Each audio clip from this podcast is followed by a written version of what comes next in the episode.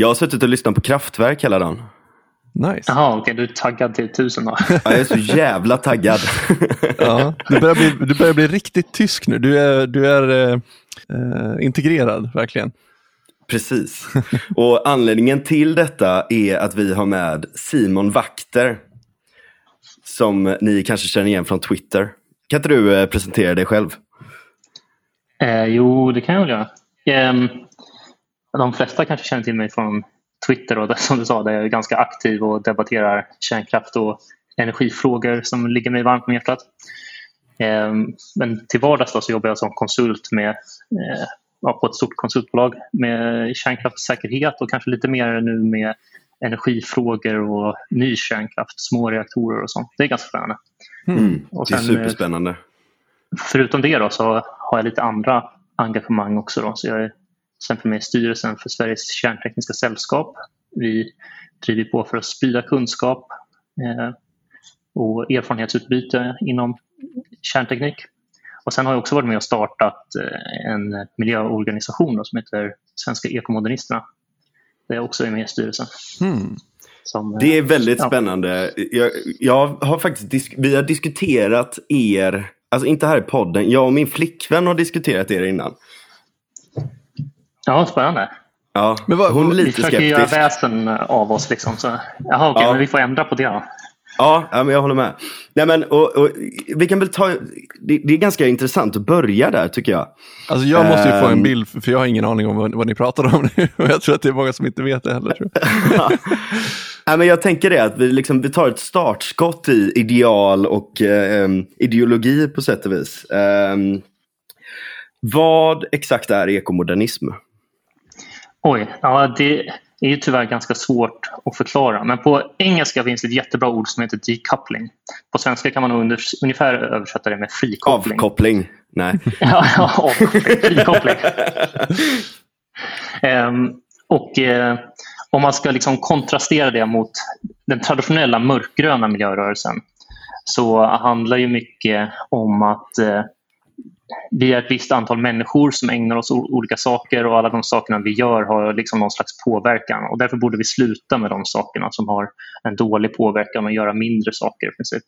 Nu blir det lite taskigt då, men ungefär så. Mm. Och vi tror snarare att vi kan ändra sak, eh, hur vi gör sakerna på. Alltså, vi kan använda solkraft och vindkraft och kärnkraft istället för kolkraft. Vi kommer liksom behöva massa energi till olika saker. Så energifrågan är viktig för ekomodernismen. Eh, man kan färdas på bättre sätt. Det är liksom sjukt ineffektivt att ha massa vägar in i städer. Då kan man ju ha, bygga liksom 15 minuter staden som kanske är en ekomodernistisk vision. Då, att man kan eh, promenera eller cykla eller ta kollektivtrafik smidigare. Så det handlar om att göra saker effektivare helt enkelt. Och, och att motto är då liksom en grönare, rikare, mänskligare värld är vad ekomodernismen står för. Mm. Så det är alltså, ni tänker er utveckling snarare än äh, att, att gå tillbaka till någon sorts stenålders ideal. Ut, utveckling snarare än avveckling. Ja, precis. Väldigt bra. Ja, precis. Ja, men det låter ju naturligt får man ju säga. Ändå. Man kan säga att den, den primära kritiken mot eh, är ju kopplad till den här idén om tillväxt. Då. Ehm, och Mm. jag, jag har lite svårt för den för att jag tycker att man angriper helt fel saker. Ehm, det finns ett ganska bra ord eh, som är extraktionism. Det vill säga eh, skillnaden mellan kan man säga en, en, en tillväxt i mer abstrakta eh, områden som typ artificiell intelligens eller eh, tjänstesektor, kultur och så vidare. och så vidare. Jämfört då med eh, att vi bara ska extrahera en jävla material som vi är rätt slösaktiga med.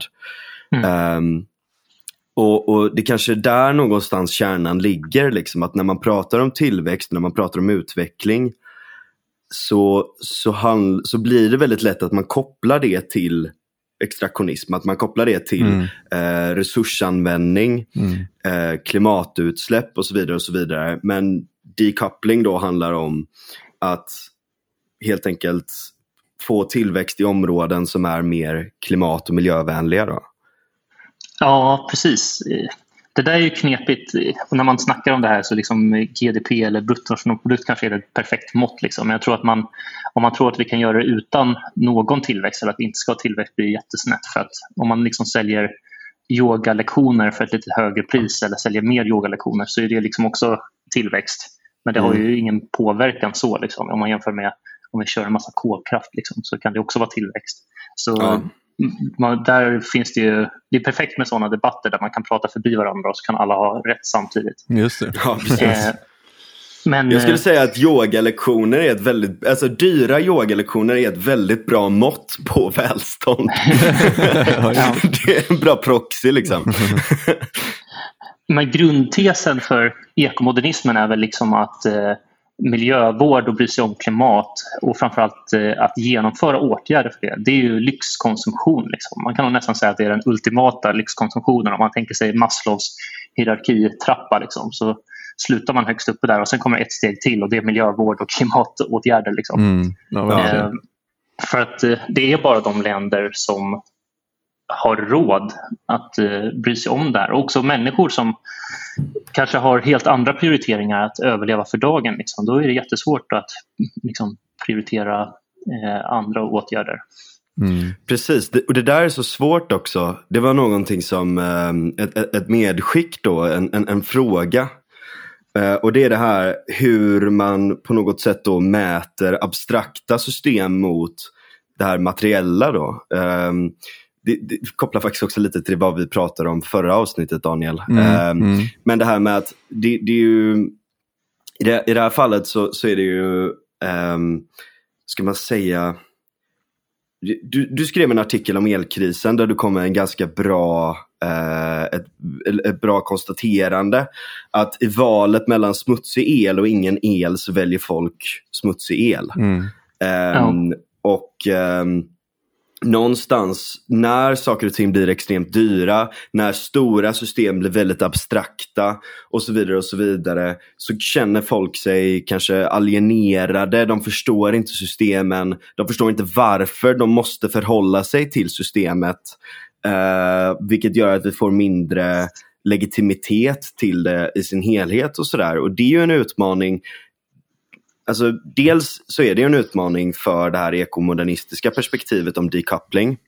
Men, men samtidigt kan man också säga att det är ju en utmaning även för de som säger ni måste sluta göra de här sakerna. Mm. Nästan mer skulle jag vilja säga. Men hur resonerar du kring det? Om man ska vara lite intellektuellt ärlig så får man säga att de som vill ha medväxt säger liksom inte att åh vad bra det är om vi har mindre. Liksom. Utan det handlar om att eh, man tror att, eh, och det kan ju finnas en viss eh, legitimitet i det argumentet, att vi, har, vi kommer inte hinna. Liksom. Vi, utvecklingen till bort från kolkraft och fossila bränslen går inte tillräckligt fort. Därför måste vi snabbt använda mindre energi det gör vi för att lämna utrymme åt de här mindre utvecklade länderna att faktiskt använda lite mer resurser för att de också ska kunna utveckla sig. Och sen möts alla liksom på en nivå som är lägre för oss men högre för dem, någonstans där. Och det tror jag inte är en... Eh, som jag sa, det finns viss legitimitet i det. Det går ju för långsamt idag. Så vi kanske mm. måste sluta använda mindre energi. Det är absolut ett perspektiv. Mm. Men jag tror inte att det är en väg som är framkomlig. Liksom. Att man ska övertyga alla om att de ska dra ner på sin levnadsstandard och att folk eh, som bor i utvecklingsländer ska stanna någonstans när de har nått till någon slags nivå som vi på någon slags kolonialistiskt sätt säger det här är okej, så mycket får ni använda. Liksom. Mm.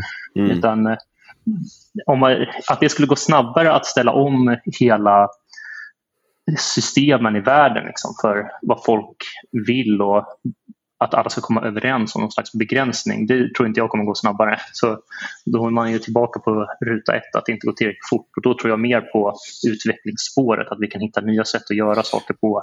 Mm. Mesta av den här tekniken finns ju redan.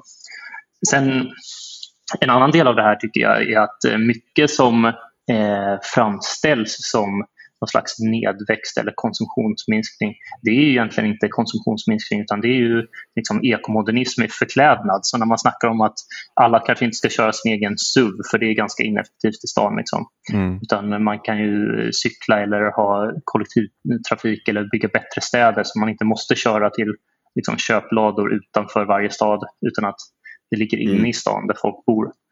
Jag hatar sådana.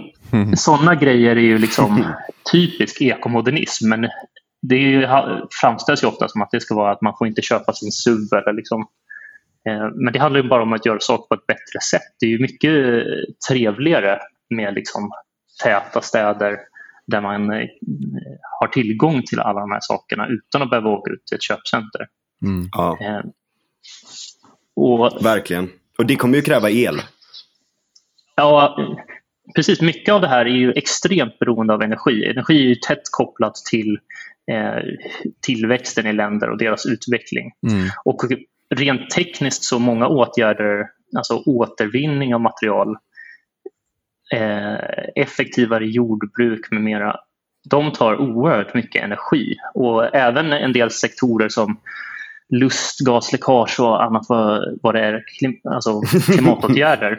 lustgasläckage. De, alltså, det, det låter ja, som en riktigt god lördagkväll. ja, man får ju, ja, man får ju eh, alltså jord, utsläpp från jordbruket och annat, de är jättesvåra att komma åt. Och då måste man ha kanske koldioxidinfångning. Så finns det såklart olika sätt att göra det på. Mm. Men det är ju också någonting som kräver teknikutveckling och som i princip alla scenarier kommer behövas oavsett vad man gör i övrigt för att de där sista delarna är så pass svåra. Liksom. Och det kräver också mer energi.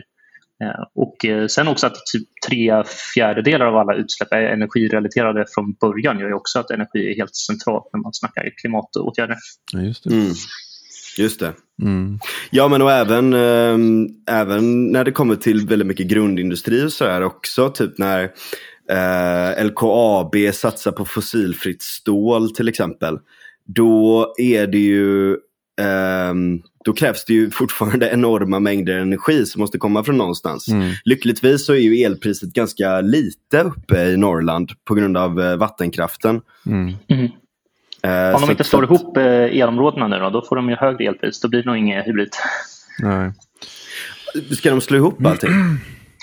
De, de, man pratar om det som en av åtgärderna då att Ygeman har föreslagit att Eh, inte helt seriöst med att man ska se över elområdena. Man delade upp Sverige i fyra elområden 2011.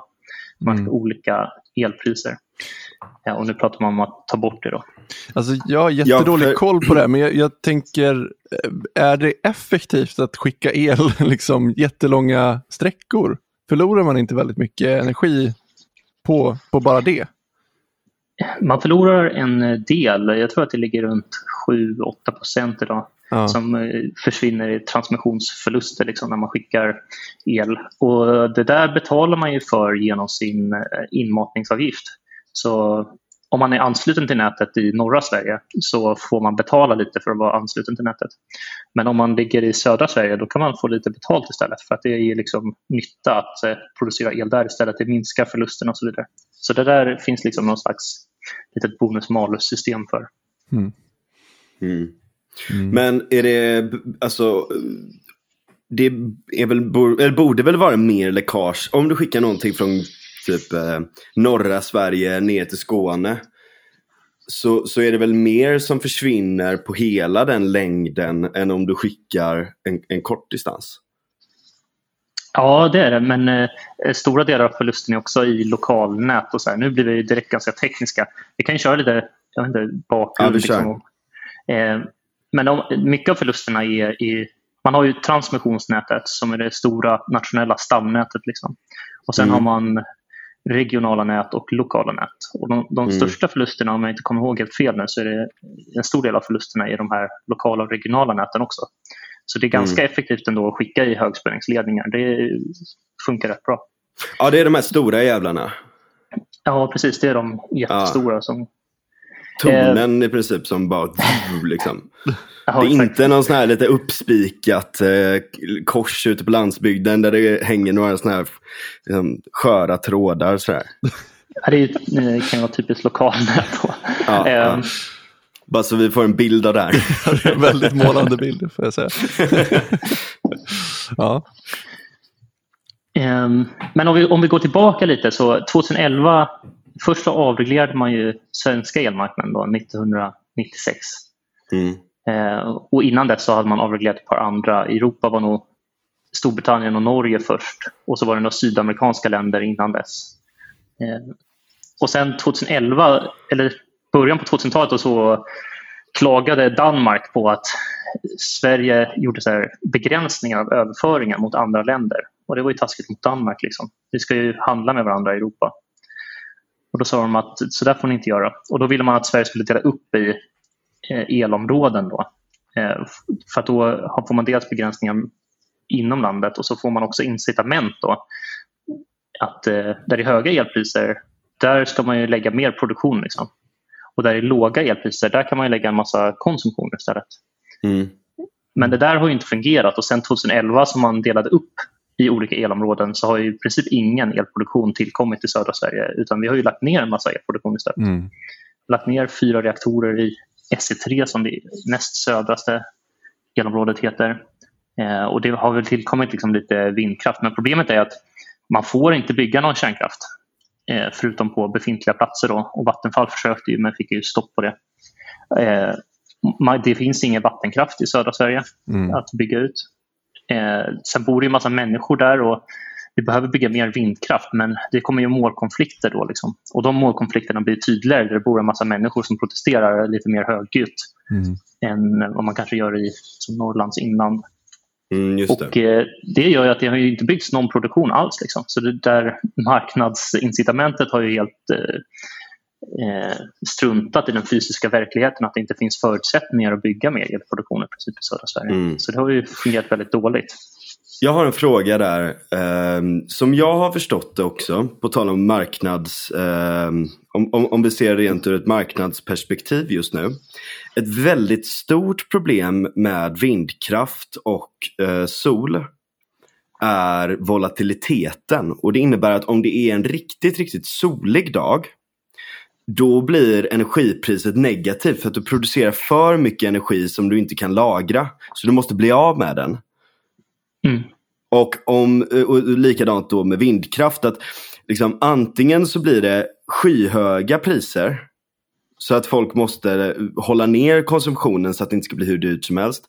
Eller så blir det överdrivet billiga priser vissa dagar mm. också. Få betalt och, för att använda el typ.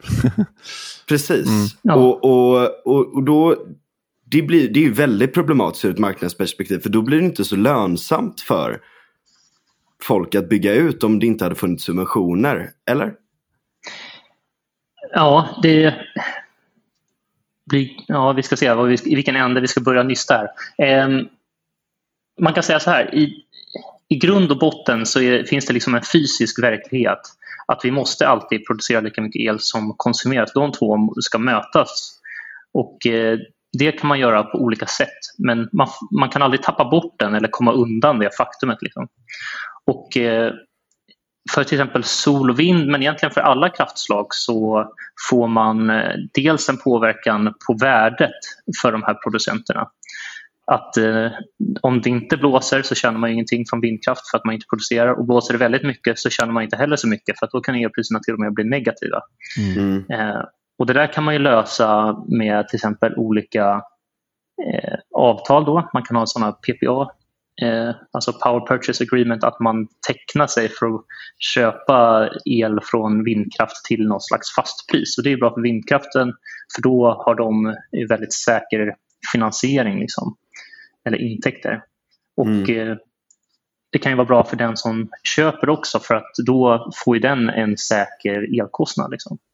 Men någon måste ta risken för den här volatiliteten. Volatilitet är risk. Mm. Och mm.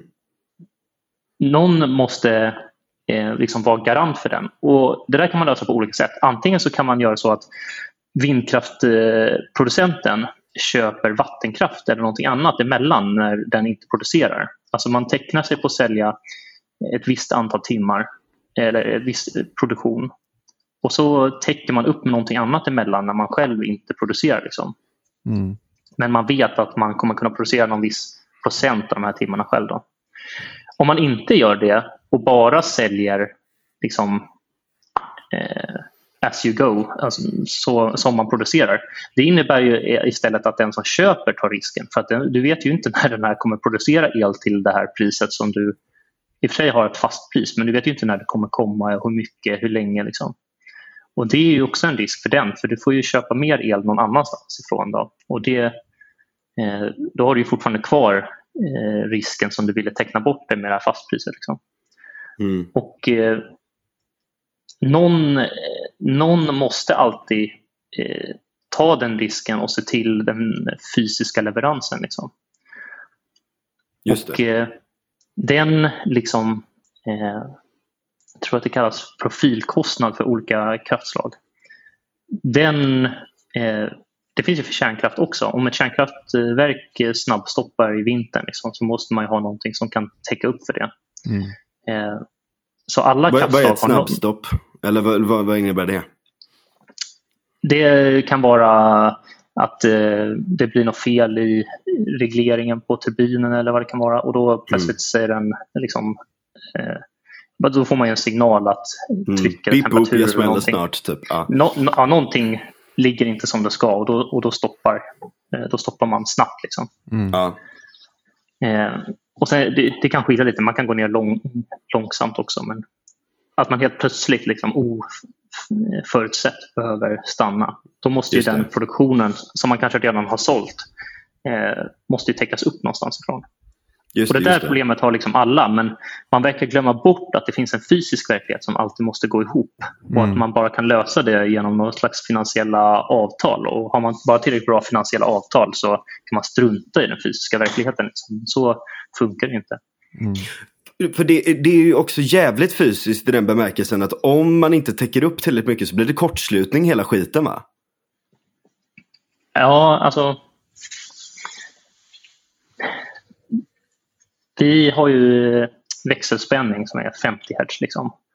Och för att, både för att överföra el och för att inte maskiner och annat som är anslutna ska må för dåligt så måste man liksom hålla sig inom vissa ramar på mm. spänning på olika nivåer som kan vara eh, hemma i ens uttag eller vid någon stor industri och att det är 50 Hz då, att det håller sig eh, nära 50 Hz. Annars börjar ju saker, eh, annars blir framförallt elmotorer ledsna. Mm. Eh, det kan vara fläktar och pumpar och saker. Eh, Just det. det... Sen, ja, men för att eh, överföra el då till exempel så behöver man ett antal stödtjänster till kraftsystemet. Och de har man ju tidigare fått gratis från framförallt vattenkraft och kärnkraft. Då. Men även kolkraft och andra på, eh, mer på liksom, europeiska kontinenten när man mer sånt som har producerat det gratis. Och Det handlar framförallt eh, till exempel om att man har väldigt stora, tunga generatorer som står och snurrar. Liksom. Man brukar säga att produktion och konsumtion måste i varje ögonblick eh, mötas helt. Liksom. Det måste alltid produceras lika mycket som det konsumeras. Men det är inte helt, helt sant. För att om du slår på en lampa hemma så kommer det innebära att alla de här stora generatorerna som står och snurrar kommer snurra lite, lite, lite långsamt. Inte ens mätbart, liksom. men det kommer de göra. Och när man kopplar på till mycket sånt så blir det plötsligt eh, så blir det mätbart och då får man ju reglera produktionen eller dra på mer produktion till slut när tillräckligt mycket konsumtion har tillkommit. Mm. Och när man tar bort de här stora generatorerna då finns det mindre sån tröghet. Och det, man, det spelar inte så stor roll för din lampa. Liksom. Men eh, det spelar roll om du tappar en utlandskabel som den stora norska kabeln liksom, till Storbritannien är 1400 megawatt. Det är lika mycket som Oskarshamn 3. Så till exempel om Oskarshamn 3 får ett sånt snabbstopp eller om eh, den kabeln till Storbritannien trillar bort då eh, måste man kunna kompensera för det. Och den här trögheten gör ju att man köper sig lite, lite tid innan man kan dra igång fler olika kompenserande ja. åtgärder. Mm. Just det, för att det finns kvar i systemet så man kan dra upp lite innan det behöver liksom fyllas på reserver i princip då. Ja, exakt. Eh, så det ja. är ett sådant exempel. Men sen finns det andra. Det finns eh, reaktiv effekt som man producerar och konsumerar. Eh, och det gör man då i de, också i de som kallas, nu blir det väldigt tekniskt, men synkront anslutna och det är också sådana stora generatorer som brukar vara. Vindkraften mm. och solkraften är asynkront anslutna. De är inte, liksom, man kan kalla det stumt anslutna så att de eh, liksom hakar på så som nätet eh, ligger i frekvens kan man säga. Mm. Och så härmar de i princip det. Eh, okay. Men de bidrar då inte med de här olika systemtjänsterna. Och det är det som gör nu att när man stänger en massa kärnkraft i södra Sverige då behöver man ta mer eh, marginaler i anspråk i överföringen. Och då i det här stora stamnätet från norr till söder så kan man inte tilldela marknaden samma överföringskapacitet. Så det gör att vi både har stängt produktion i södra Sverige och tappar överföringsförmåga. Mm. Och då kan vi överföra mindre vindkraft också. Så man kan säga att eh, om man har liksom en gigawatt planerbar produktion i södra Sverige som kanske är kärnkraft eller någonting så kan man också få, det är inte ett till ett så inte en gigawatt, men då får man också någon mån mer överföringskapacitet. Liksom. Och det är både okay. ineffektivt att vi har en massa ledningar som vi inte kan använda fullt ut. Liksom. Ja. Och eh, så är det ju dumt med klimatnytta för vi hade ju kunnat göra saker med den här elen, liksom exportera den eller använda den till något. Mm. Ja, precis. precis. Ja, men okej, okay, så att det, och, och, vind och sol kommer helt enkelt inte upp i den nivån att man kan hålla de här sakerna rullande just för att de svänger för mycket i sin produktion då? Eh, inte bara för att de svänger sin produktion också, men utan för hur de liksom tekniskt är konstruerade. Okej, okay, okej, okay, tackar. Ja, men och det, det går att komma runt, ja. men det kostar. För jag menar egentligen då, alltså även om du är en förespråkare av vind och, och sol, så bör du förespråka kärnkraft också för att det nästan är en garant för mm. att vi ska kunna ha den sortens teknik. Just det. Ja, absolut. Nu, du får ju liksom en inlåsningseffekt i norra Sverige nu. Som, om jag hade byggt vindkraft skulle jag absolut vilja ha kvar kärnkraften i södra Sverige för att det hade ju lett till att man kan exportera mycket bättre till kontinenten eh, till exempel. Mm. mm. Eh, och eh, det, det som gör att man kan tjäna väldigt mycket pengar på vind och solkraft det är att de har liksom noll marginalkostnad. Kostnaden för att producera är väldigt låg. Mm. Men alla får betalt samma pris som är det högsta priset som den som producerar får betalt. Mm. Och eh, Det gör att du kan tjäna väldigt mycket pengar om du lyckas eh, exportera till sådana områden där, du trycker, där det är kolkraft till exempel. Mm. Ja, just det. Berätta, varför har vi, varför bränner vi olja? ja, ska vi börja? Var, var, var ska vi börja? ja. Eh, ja, du tänker på Karlshamnsverket. Ja, precis. Ja, det får ju mycket uppmärksamhet. Liksom. Det är ju väldigt liten eldning egentligen om man tänker i ett större perspektiv. Men såklart för Sverige så sticker det ut att vi eldar en massa olja. Så ska vi inte behöva göra. Eh, och, eh, ja, det är ju ganska många liter olja va? Som, som, ja, det går åt om. Eh, ett par kubik där. Ja. ja, det gör ju ont att tänka på oss. ja. ja. Men det är ju för att eh, det är väldigt enkelt att lagra de här bränslena och stötta eh, när det behövs. Liksom. Så det mm, har ju det. Ett, ett, värde då liksom, när annan produktion inte täcker upp. Så det är stor debatt om det här är elbrist eller inte. Liksom. Och man måste skilja lite för ibland är det här kraftverket eh, upphandlat liksom, av Svenska kraftnät som stöd under vintern och då ingår det i det som man kallar för effektreserven mm. för att eh, stötta och då är det Svenska kraftnät som eh, säger vad de, när de ska köra. Men eh, nu så hade de ju kört på elmarknaden. Liksom. Då påstår man ju att de kör bara för att de kan tjäna pengar liksom, och de vill bara ha pengar. Men eh, hela anledningen till att de kan tjäna pengar är ju att det saknas annan fossilfri billigare produktion. Alltså fossilfri ja. produktion är alltid billigare än att bränna olja. Liksom. Ja. Och eh, att, eh, att det eldas olja då är ju absolut ett tecken på att det rå, finns elbrist. Liksom. Det saknas annan billigare produktion. Annars skulle de mm. inte köra. Nej, det är uppenbart. Mm. Men jag fattar inte hur... Eh, alltså när man har pratat om det här med elbrist och elkris och hela den här grejen då. Så, så känns det som att, att man har valt, eller Ygeman och gänget, att de har, har liksom valt siffror som passar deras narrativ. Typ att så här, om man slår ihop hela Sverige och, och, och, bara ser utifrån, ja men om, om vi drar ett snitt över hela Sverige, typ snitt i hur mycket el eh, som produceras från eh, sol, vind eh, och vatten och så vidare och så vidare. Så om, om man liksom slätar ut allting över ett helt år typ mm. och över alla olika zoner, då har vi ingen elkris. Men om man däremot ser om man, om man bryter ner datan så kan vi se att, jag, jag såg någon karta nyligen där att elpriset, det var, jag, jag, vet inte hur man mäter det där, men det var liksom 16 eh, euro eller någonting uppe i norr och typ 260 eller någonting nere i, i Skåne. Mm. Och, så att om man, om man jämför de här olika zonerna och om man jämför över året då och bryter ner det, då kan vi konstatera att vi har en elkris. Och jag menar faktumet att vi bränner olja i september redan. Typ. Mm. Man kan säga att eh, alltså det finns ju man, det finns nog absolut skäl att påstå att det finns en elkris tycker jag. Det är lägre marginaler i nätet. Eh, kostnaderna eh, för att eh, balansera har ökat och eh, det finns eh, stora liksom, svagheter i stabiliteten i nätet. Och sen är också då att priset har skjutit så fullständigt i höjden i södra Sverige får man också se som någon slags eh, misslyckande som jag tycker man kan klassa som en del av den här elkrisen.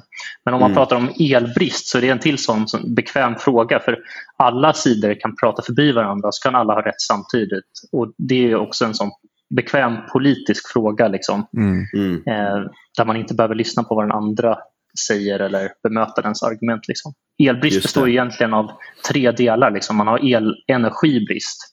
Alltså att man producerar energi över en viss tid, typiskt ett år.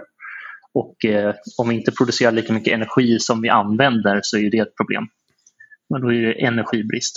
Sen har vi effektbrist. att För att producera den här energin över året så måste det i varje ögonblick produceras lika mycket elektrisk effekt som det konsumeras också i alla de här olika områdena. Och Då kan man få effektbrist. Och Det kan ju leda till väldigt höga priser om man ska importera eller bara höga priser allmänt i olika elprisområden. Och sen har vi också då nätkapacitetsbrist, att det finns inte tillräckligt mycket elnät för att överföra all den här elen från där den produceras till där den konsumeras. Mm. Och mm. Eh, det, eh, de här tre är ju helt olika men samtidigt hör de lite ihop. De går inte helt att skilja från varandra. Men att de är helt olika det ger ju det här upplägget då, att man kan sitta och prata förbi varandra utan att behöva lyssna. Ja, ja jag förstår. Och, en, och det här är någonting som sker i hela Europa också, visst är det så? Eller inte hela, men stora delar. Ja, om du menar energikrisen nu eller? Ja. Ja, just nu så utspelar det sig, det var det jag skrev de här artiklarna om, att just nu utspelar det sig liksom en energikris av ofantliga mått egentligen som jag inte tror folk riktigt greppar hur omfattande det är. Det var därför jag skrev de här artiklarna i, i Smedjan då, för att eh, försöka uppmärksamma det.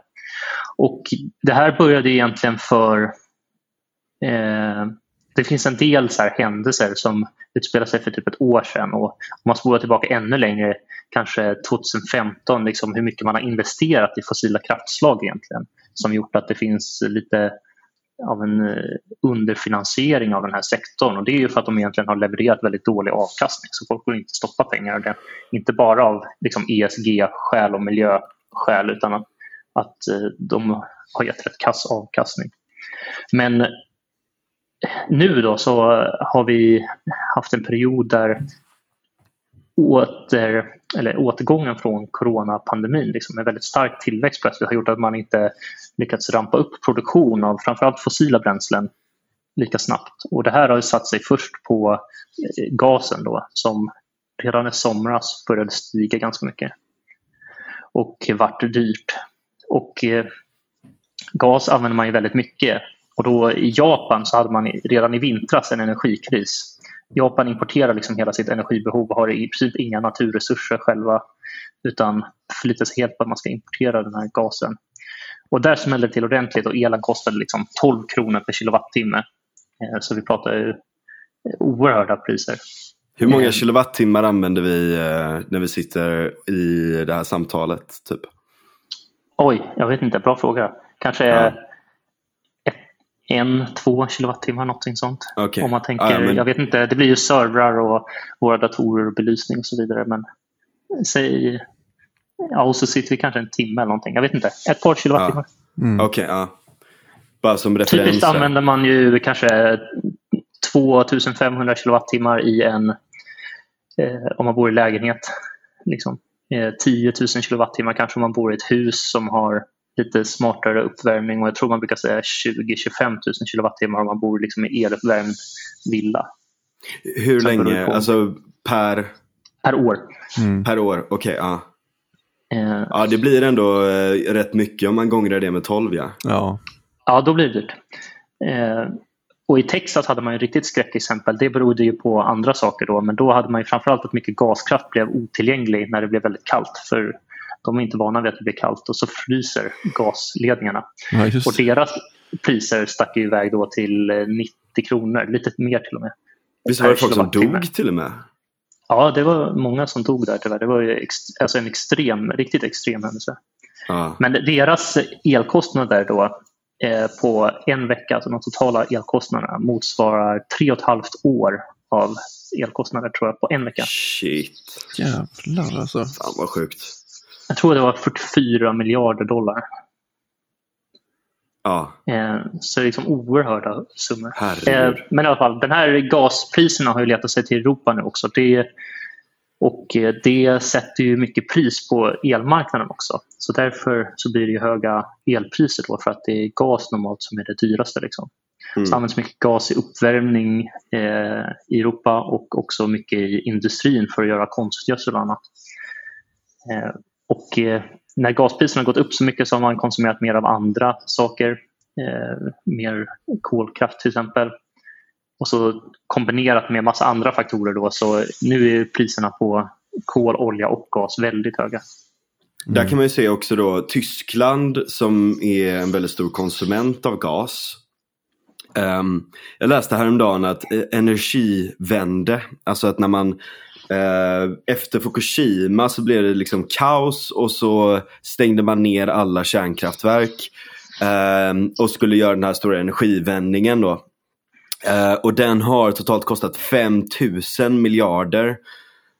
Och gjort att man har blivit beroende av rysk gas istället. Är man rädd för tsunamis i Tyskland? Alltså? Ja, jävligt skraj för det. Ja. Um, och, nej men, och, och, det är ju det stora problemet också när vi pratar om gas här, att det får ju även realpolitiska, geopolitiska effekter. Uh, i, I det att vi blir helt plötsligt beroende av Ryssland som är den största exportören till oss. Mm. Mm.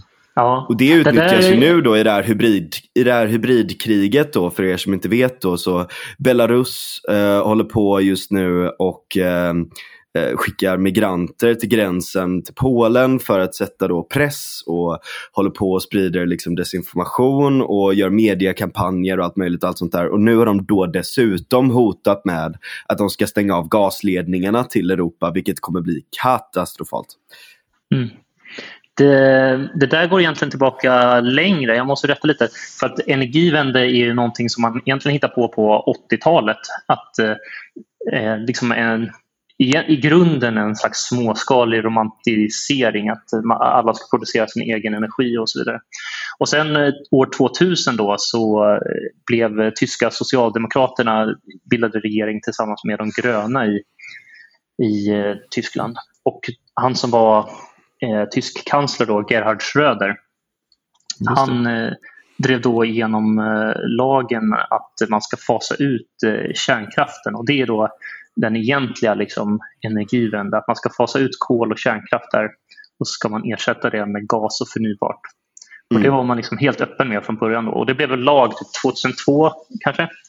Ja. Eh, men så det går tillbaka längre. Okay, och sen okay. eh, och då fanns det redan utfasningsdatum som är ungefär i linje med det som man har idag tror jag. Alltså runt 2020-talet skulle man ha all kärnkraft stängd. Sen eh, blev det ju, eh, ja, är, vi får ta den historien också. Gerhard Schröder sen förlorar ju valet mot Angela Merkel så Angela Merkel tar över. Men precis innan Gerhard Schröder avgår så skriver han under ett så joint declaration med Ryssland att man ska bygga Nord Stream 1 som var den första gaspipeline då från, eh, genom Östersjön från Ryssland till Tyskland. Mm. Och, eh, eh för han insåg liksom att han skulle förlora, skrev på det där eh, avtalet. Och sen eh, tror jag någon vecka efter att han avgått. Så började han jobba som, där? Ja, precis. Så tillträder han då som... Vilken kille. Så jävla fitta verkligen. Alltså... så typ två veckor efter så är han i styrelsen för Nord Stream 1-projektet. Ja. Alltså det är så jävla dåligt. Det är så jävla dåligt verkligen. Men det var 2005. Sen eh, blir Angela Merkel eh, kansler. Då. 2007 utspelar sig en till energikris här för då får eh, Belarus för sig att de ska stoppa oljeflödet till Europa. Egentligen inte på grund av någon beef med Europa liksom, utan för att de eh, inte var nöjda med Putin och hur mycket de får ta i priser tror jag. Det är ju liksom det landet som har en oljepipeline får transitfis eh, liksom, så man får ganska bra inkomster från att leda olja någonstans. Mm. Och eh, då förhandlar de då om vilka transitfees de ska få ta ut och oljepriset för Belarus själva tror jag handlar om. Men de höll på att tjafsa i alla fall. Och det där slutade med att Belarus sa ja, men, eh, liksom, fuck it, då stoppar vi och slutar skicka olja till Europa. Och eh, det där är 20 procent av Tysklands eh, och Europas oljekonsumtion tror jag. Så då var det liksom nervöst läge och Angela Merkel reste till Ryssland och snackade med Putin och så här. Och den där oljekrisen då så sa Angela Merkel att vi måste omvärdera våra mm, energimix och vi kommer behöva alla kraftslag och vi måste även se över situationen med kärnkraft. Liksom. Och det var 2007. Då. Sen 2010 så beslutade Angela Merkel att man skulle förlänga utfasningen av kärnkraft. Att man inte skulle fasa ut runt 2020 utan man skulle behålla kärnkraften i alla fall en bit in på 2030-talet tror jag. Mm. Mm. Eh, typ 2035 eller något sånt där. Och sen året efter, då, 2011, så inträffade ju tsunamin, den här Tohoku och Fukushima Daiichi, kärnkraftverket, eh, gick det sådär för. Liksom. Mm. Och, eh, alltså, det var en oerhörd eh, katastrof. Liksom. Och då svängde ju opinionen så det blev helt ohållbart. Då ändrade Tyskland sig också. Och då bestämde man sig direkt för att återgå, ta bort den här förlängningen och eh, återgå till att fasa ut kärnkraften. Och man stängde också de åtta äldsta kärnkraftverken tror jag direkt. Mm. Eh, och eh, någonstans, eh, ja men det där är liksom, det är där Energiewende står idag då, om man ska säga. Och så har man ju påbörjat eh, Nord Stream 2 nu då som eh, mm. ser ut att eh, kanske bli verklighet precis när Merkel, Merkel avgår. Nord Stream 2, 2 Electric Boogaloo. det blir inte riktigt lika bra på svenska. Eh, jag, jag, har en fråga där om, om, om Fukushima och sådär då. För att om man pratar om kärnkraft och allt sånt där så, så är det ju en väldigt stor jag tänker vi kan återgå till det här med energikrisen sen då. Men eh, det är ju väldigt eh, mycket skräckpropaganda runt hur farligt kärnkraft är. Mm. Eller hur? Ja. Eh, och då, då undrar jag, vad var det egentligen som hände med Fukushima? Vi har ju Tjernobyl, det är ju ett klockrent exempel. Mm. Och där var det snarare kommunismen och inte kärnkraften som var problemet. Det där argumentet eh, biter ju sällan på kommunister. bästa tjejgänget äh, säger. Men, äh, nej, jag skojar, men Annika Strandhäll kollade ju på Tjernobyl. Och, så mm. och då, ja. Ähm, nu, blir, nu blir jag så här, flam, nu blir jag så dumhöger, liksom. jag ursäktar mig. Ja, det, är lätt. det kommer fram ibland som Tourettes. Men i alla fall, eh, så vad var det egentligen som hände med Fukushima? Det inträffade ju den största jordbävningen som man har uppmätt i Japan. 9,1 på Richterskalan. Eh, Och eh, så fick man ju en oerhörd tsunami som träffade det här kärnkraftverket. Då. Och eh, som med alla de olyckorna som har inträffat med kärnkraftverk så fanns det liksom, man ska säga att det var säkerhetskulturproblem som låg till grunden för det här. I Tjernobyl var de ju extrema, liksom. man visste om de här designfelen och så vidare. Man körde tester som man inte borde göra och så vidare. och så vidare.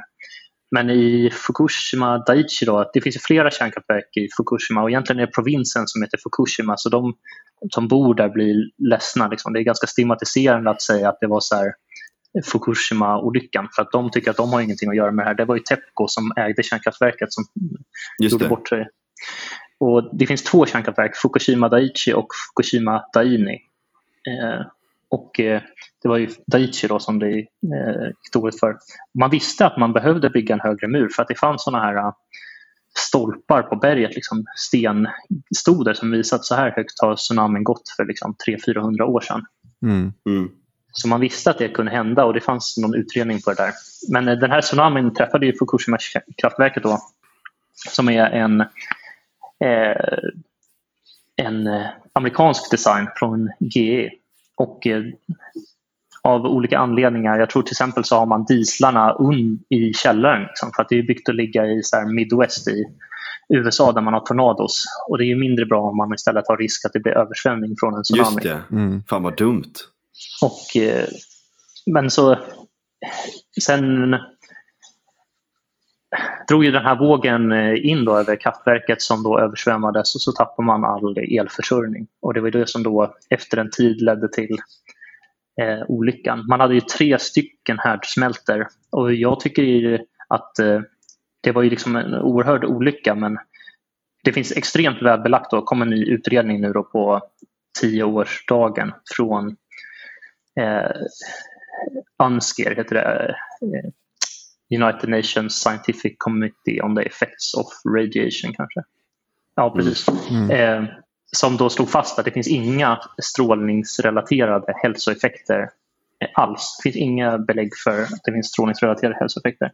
Däremot Mhm. finns det belägg för massa andra hälsoeffekter från evakueringen till exempel Ja, eller från att folk var tvungna att flyttas och så här. Och man har ifrågasatt eh, i stor utsträckning om hela den här evakueringen verkligen var nödvändig för att man har evakuerat vid områden som har en väldigt låg förväntad stråldos till exempel. Mm. Okej. Men sen kompliceras det här ju av att alltså det var ju en helt enorm olycka. Alla som har sett bilder från det där vet ju att eh, det var ju liksom fullständigt kaos. Liksom. Både av Mm. jordbävningen och tsunamin. Jag tror 18 000 personer dog av, eh, av tsunamin och jordbävningen. Och eh, man räknar med att omkring 1500 personer har dött av den här eh, evakueringen. Då. Ja, just Och, det. eh, Och det var för att man Ja. evakuerade typ sjukhus och allt möjligt väl? Var det, eller vad? hur Ja, eh, alltså sjukhus, äldreboenden. Ja. Så det finns ju folk som har stora liksom, sociala och mentala problem som man, har, som man inte mår så bra av. Eller folk som mår bra, inte mår bra av att man har tvingats flytta. Liksom. Mm, mm. Och, eh, men i alla fall då så eh, tycker jag, det, alltså det, man ska säga också att det fanns ju goda andra anledningar av att evakuera. För det fanns ju till exempel ingen el och liksom en massa andra anledningar till att det kanske var rimligt att evakuera stora delar av de här områdena ändå. Även om man kanske inte hade behövt göra det under lika lång tid. Liksom. Mm. Ja. Eh, Men jag tänker... b- jag vet inte, täckte det eller vad som hade hänt i kursen?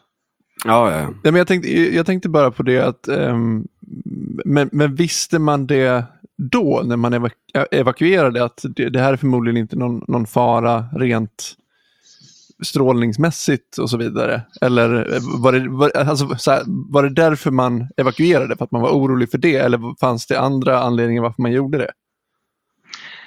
Eh, det var ju liksom, eh, vad ska man säga, politiskt tryck på dem att agera. Mm. Det här var ju inte någonting som ingick i en plan i förväg. Liksom. I Sverige har vi olika typer av beredskapsområden då, där man delar ut jodtabletter och radios och man har evakueringsplaner och så vidare. Så allt sånt där ska vara förberett. Men här kan man ju liksom inte ta på eh, ta på volley liksom när någonting händer och improvisera utan Mm. man måste ju ha en plan i förväg.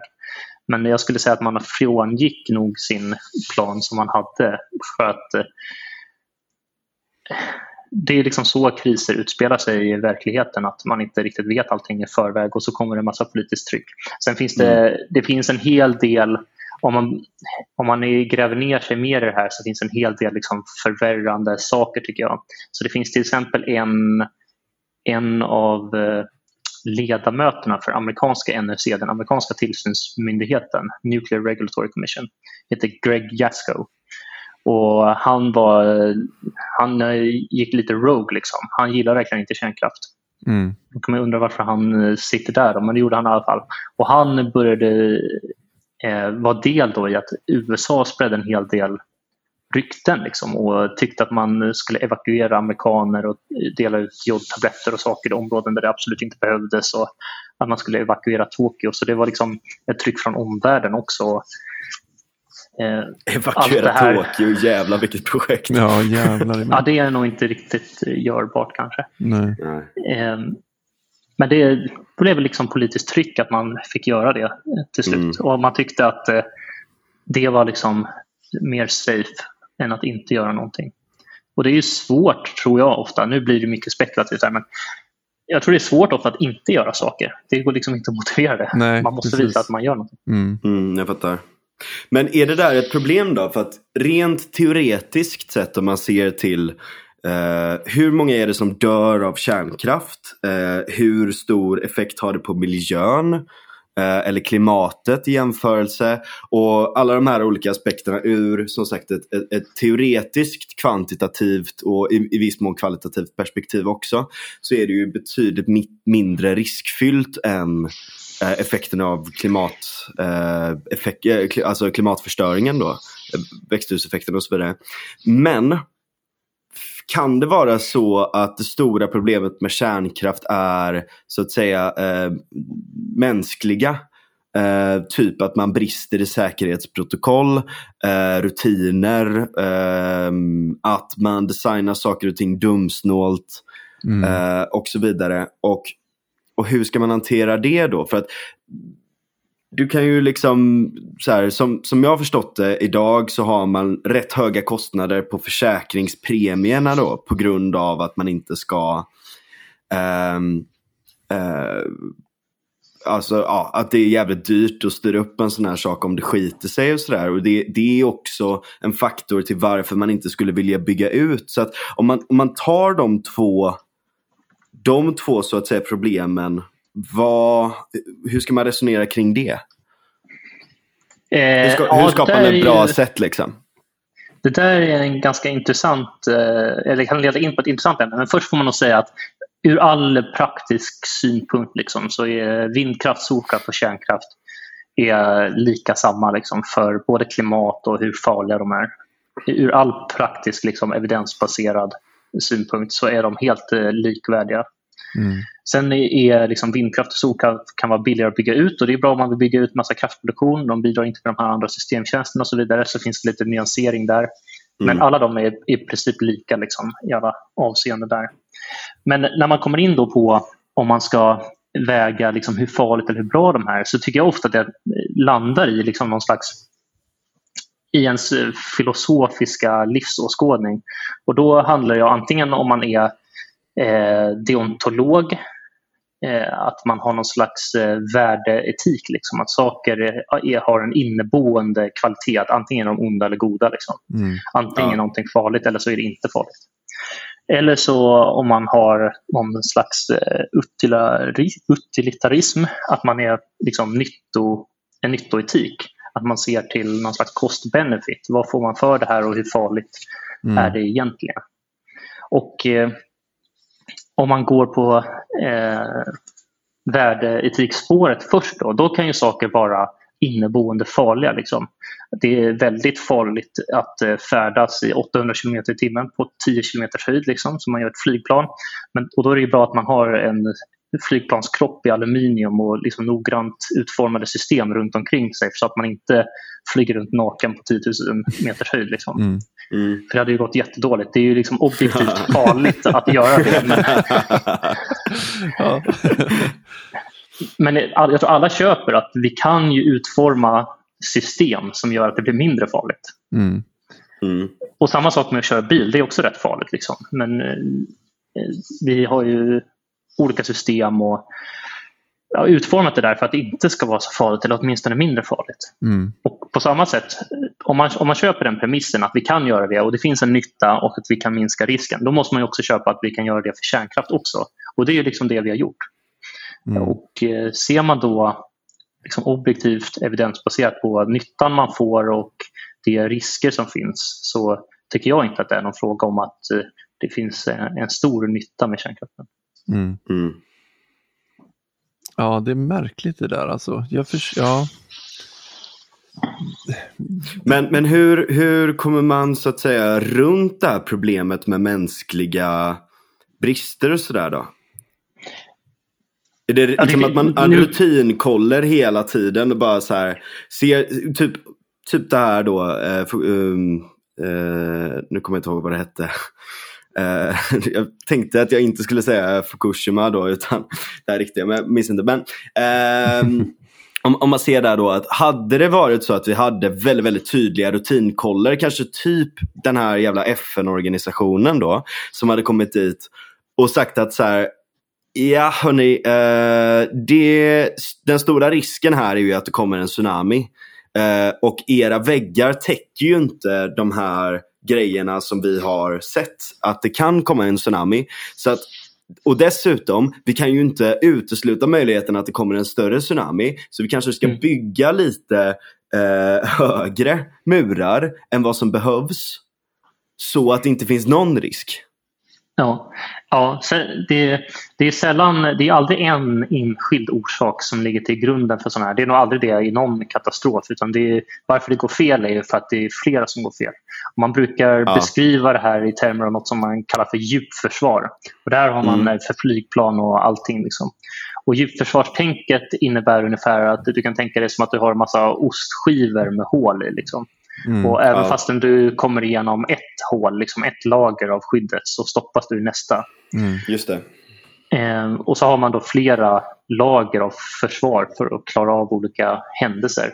Mm. Och, men sen får man tänka också att i, världen förändras och saker förändras. Anläggningarna man har kanske förändras. Så de här hålen växer och rör på sig. Liksom organisationen förändras. Mm. Så de här hålen rör och på sig, flyttar på sig och ändrar storlek över tid. Liksom. Och Mm. ibland då så kan man ju tänka sig att de där hålen ligger helt plötsligt i linje och får man en händelse som träffar rätt igenom alla de där hålen så, så då får man ju liksom en, katastrof då i värsta fall eller om den stoppar lite senare kanske man kan begränsa effekterna av katastrofen. Liksom. Mm. Det handlar om att liksom för, för, i första hand se till att ingenting händer och sen då efteråt se till att man kan begränsa effekterna av den. Mm. Mm.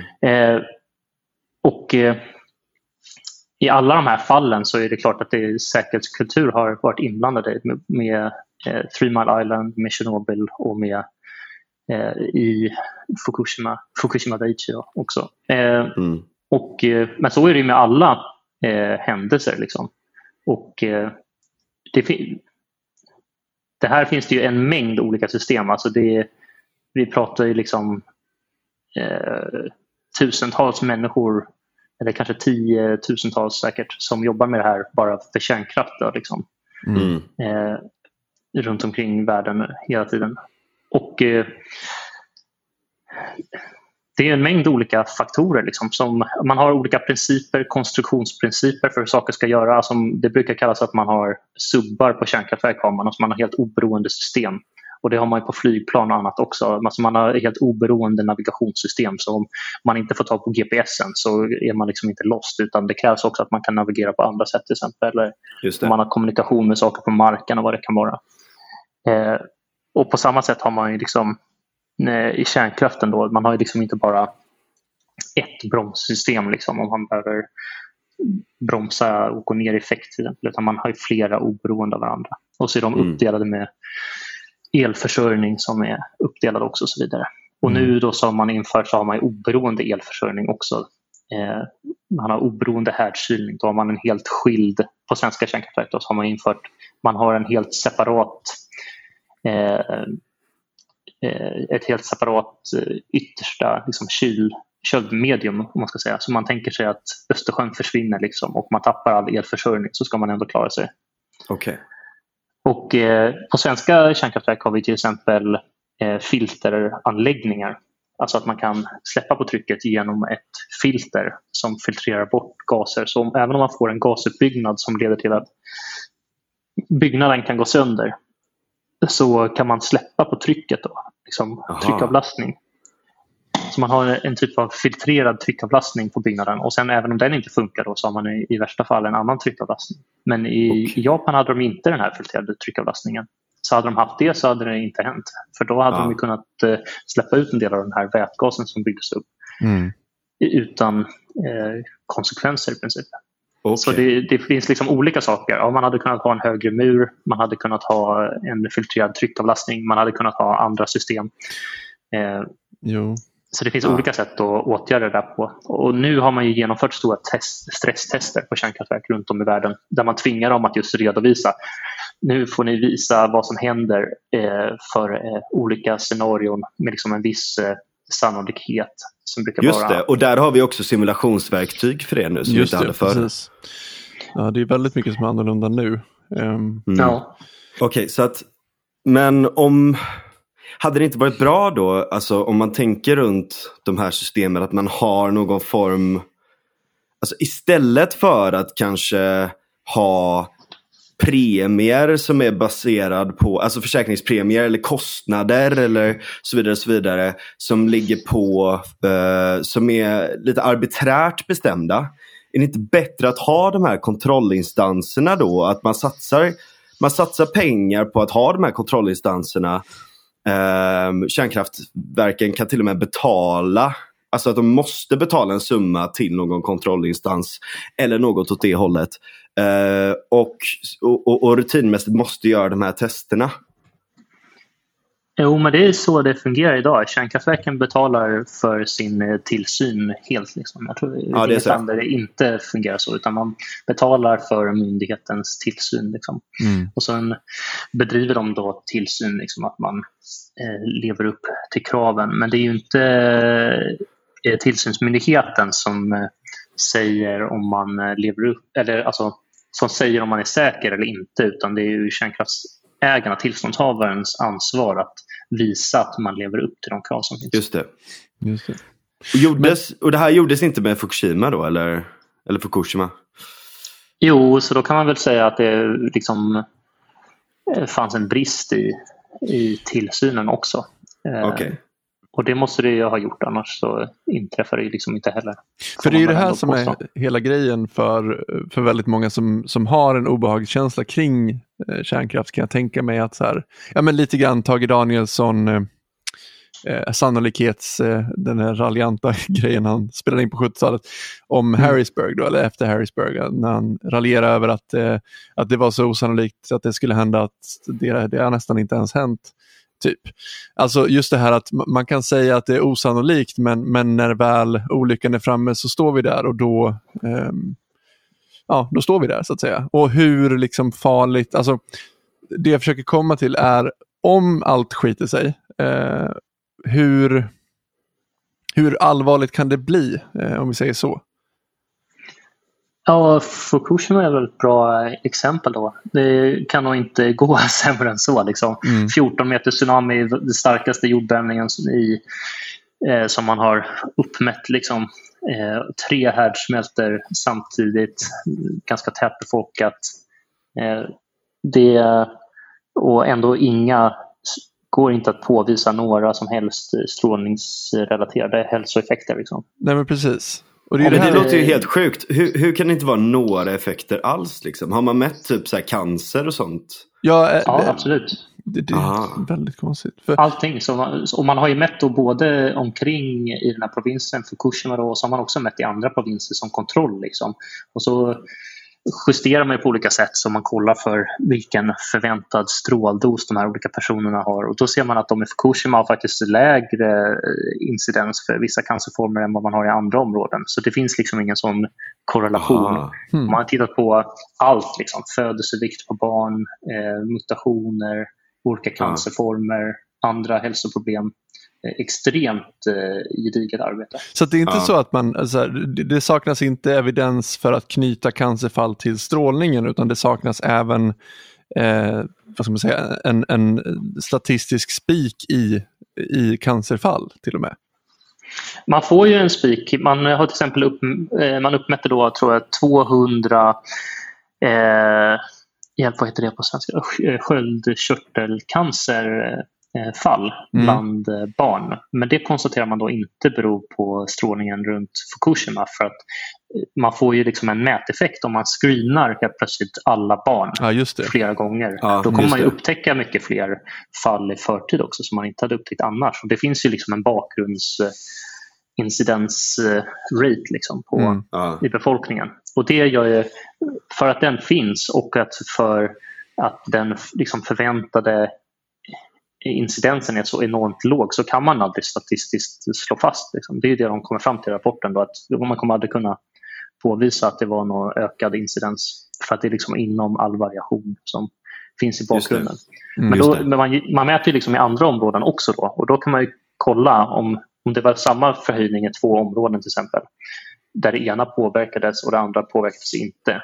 Men man har samma antal eh, fall liksom, från den här ökade screeningen. Då kan man ju diskvalificera att det var strålning till exempel. Just det. Mm. Men hur tänker du kring, för, för när man pratar med, med folk som är oroliga över kärnkraft så, så jag, jag skulle säga att Fukushima är väl, det, det finns ju där, men det är väl framförallt eh, eh, Tjernobyl folk eh, tänker på och just hur Sverige påverkades, det springer väl fortfarande runt så här vildsvin som är lite självlysande, höll jag på att säga, ru- runt Gävletrakten.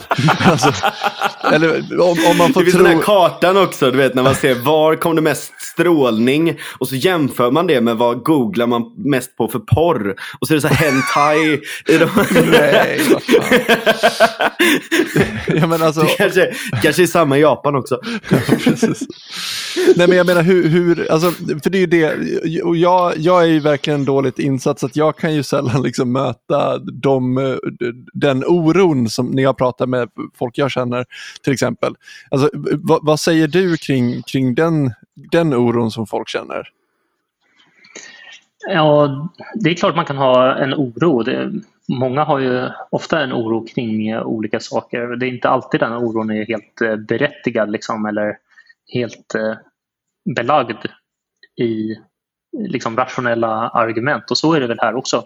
Det gör ju inte att den här oron inte kan vara rättfärdigad. Liksom. Man kan ju ha oro för massa olika saker eh, utan att det är rationellt. Liksom. Mm. Men eh, just för kärnkraft så får man nog ändå påstå att det finns inga eh, liksom, belägg för att den här oron skulle vara liksom, särskilt välgrundad. Utan, Men, men, Man måste ju också ställa det i relation. Alltså, Ja.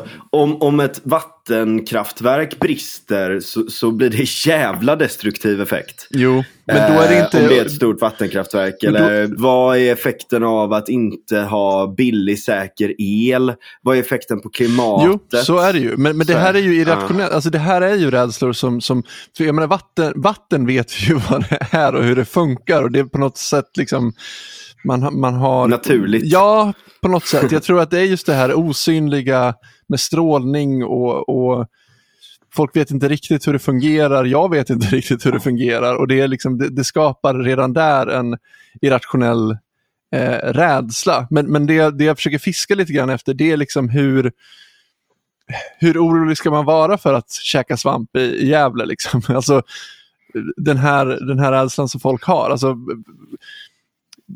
nej, men det ska man inte vara orolig för nej, alls. det, det är det här. Det får jag våga säga. Nu, det är ju lite som att svära i kyrkan. Då, men när, hur man sätter de här olika gränsvärdena liksom, är ju att man eh, tänker eh, att eh, någon ska käka det här hela tiden. Liksom. Mm. Och det är kanske inte så realistiskt. Jag skulle absolut inte ha någon oro för att, att käka svamp eller vildsvin från Uppland. Liksom. Nej, Nej.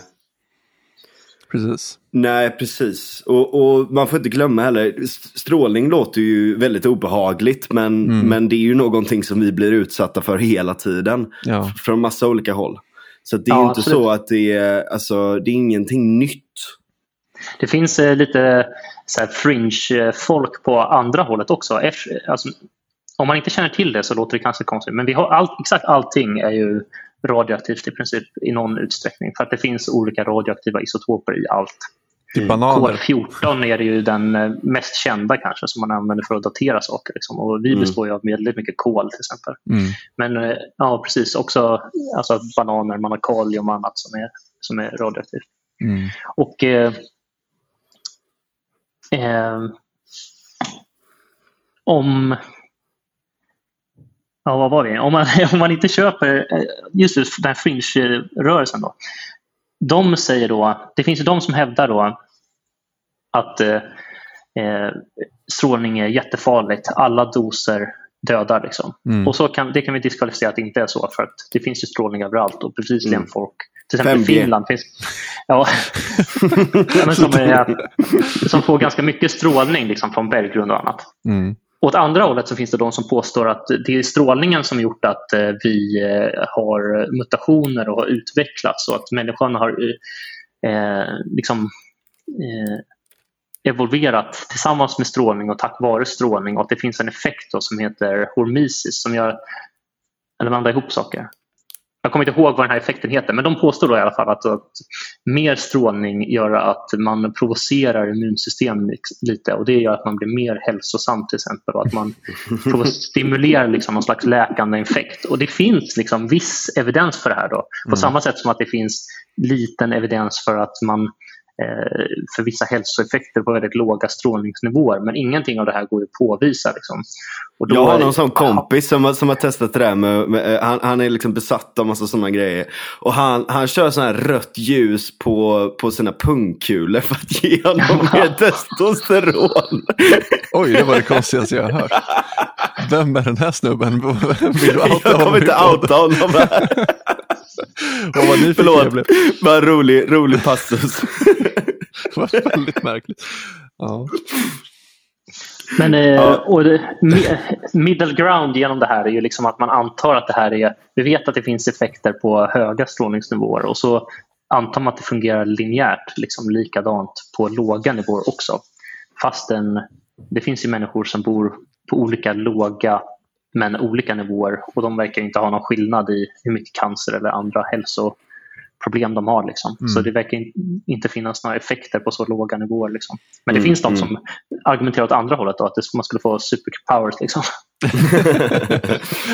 Radioaktiva spindlar. Ja. Men framtiden, framtiden för kärnkraft då? Eh, hur ser det ut? Vi pratade, du nämnde kort där med små kärnkraftverk. Det är Ja. ju väldigt intressant. eh, för då får man ju lite mer utspridd uh, strålning, eller på att säga. Utspridd, nej, men utspridd effekt i elnäten. Och, och sen då dessutom uh, vad det här med slutförvaringen och det. nya kärnkraftverk som kan använda det.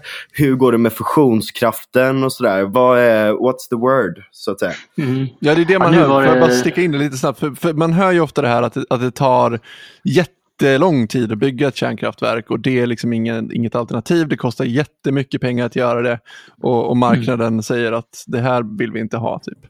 Eh, Ja, det är en bra fråga också. Ta Ja. den först. Ja, ehm, tittar man på, de eh, projekt som byggs i Europa nu så har de ju tagit fenomenalt lång tid. De är ju misslyckanden, det kan man inte kalla dem för något annat. Liksom. Både om man tittar på USA och det i Frankrike och det i Finland och de projekten som pågår.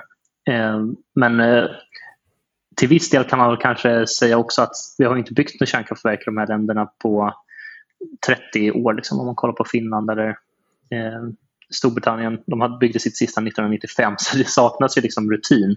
Och till Mm. viss del kan man kanske argumentera att eh, typ i Frankrike och Sverige så var kärnkraften liksom för eh, framgångsrik för sitt eget bästa om man ska säga. För att de, man smällde upp eh, 12 kärnkraftverk i Sverige på var det, 13 år som de blev klara inom. Då. mm. Eh, och det tog 19 år från första byggstarten till att det sista var klart. Så det gick ju väldigt snabbt. Och tittar man genomsnittet i världen så är det ungefär sju år från byggstart tills att man är färdig. Och då tittar man ju då från att man börjar hälla eh, betong liksom, eh, till att man är färdig. Mm. Eh, och det är klart att det tar ju lite längre tid med tillståndsprocesser och sådär men de Jo. kan se så olika ut mellan olika länder så det går inte att jämföra Eh, både och om man bygger på olika sajter. Liksom. Så därför har man då valt Mm, det här det. som en fast ankarpunkt. Liksom. Mm. Jag, jag, jag har myntat begreppet hinderbanefascism här i podden.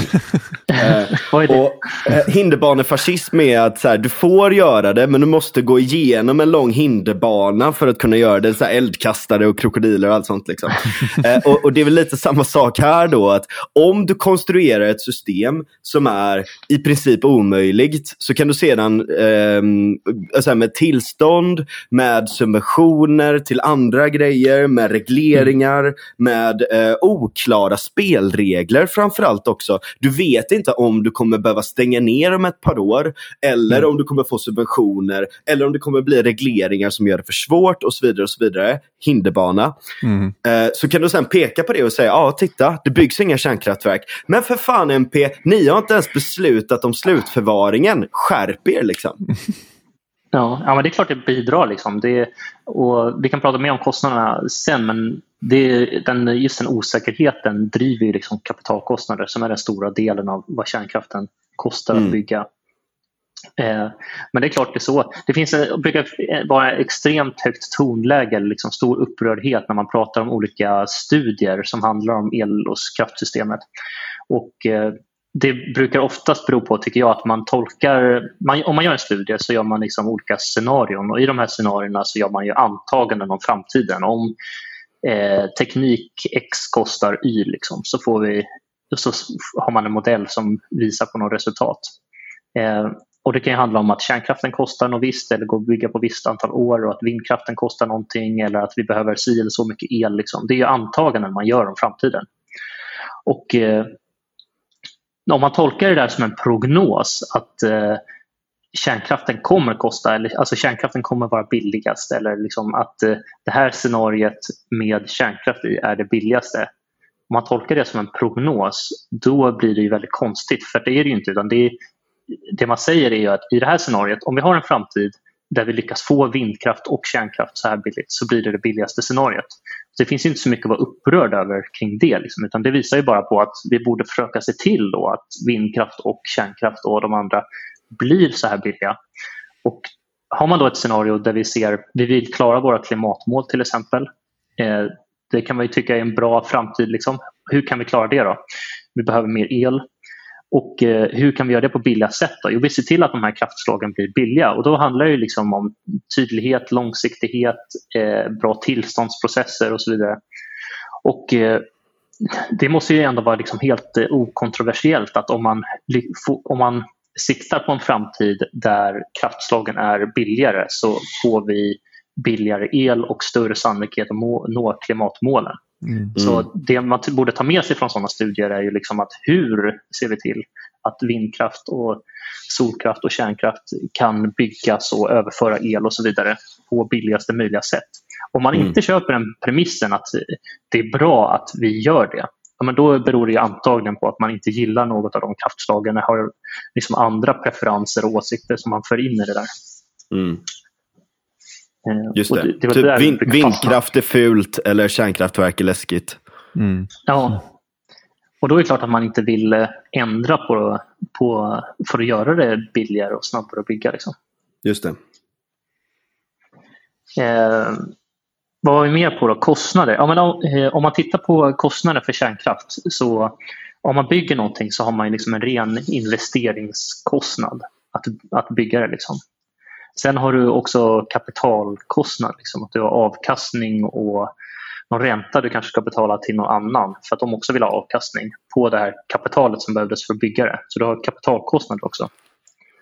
Och de liksom, kapitalkostnaderna för kärnkraften kan utgöra mellan 60 och 80 procent liksom, av den totala kostnaden eh, när man slår ihop allting. Oj. Och, eh, så det är alltså en extremt hög del. Och tar man Hinkley Point C i Storbritannien då, som exempel.